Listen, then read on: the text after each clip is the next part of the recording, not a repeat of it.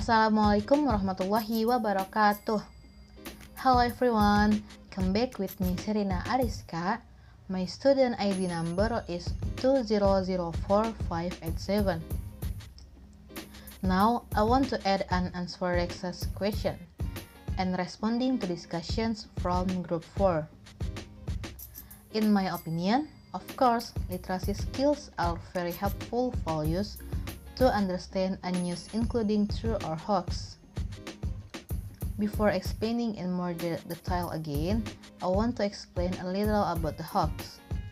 According to Allcott and Gentzkow, hoax is a news article that is intentionally wrong, so it could be misleading the reader.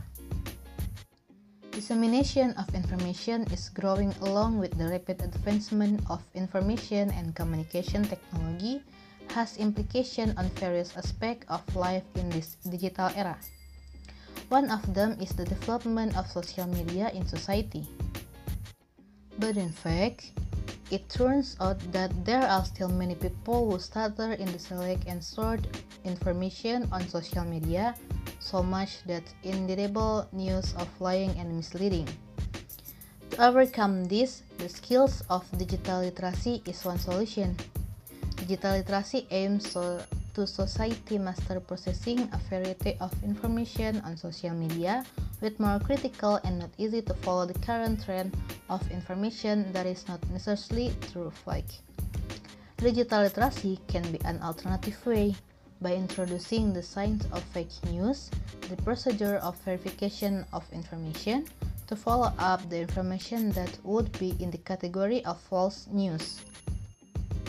Furthermore, I strongly agree with counterparts from the Group 4 that literacy skills, especially digital literacy in the 21st century, this urgency is very important to be applied in Indonesian society.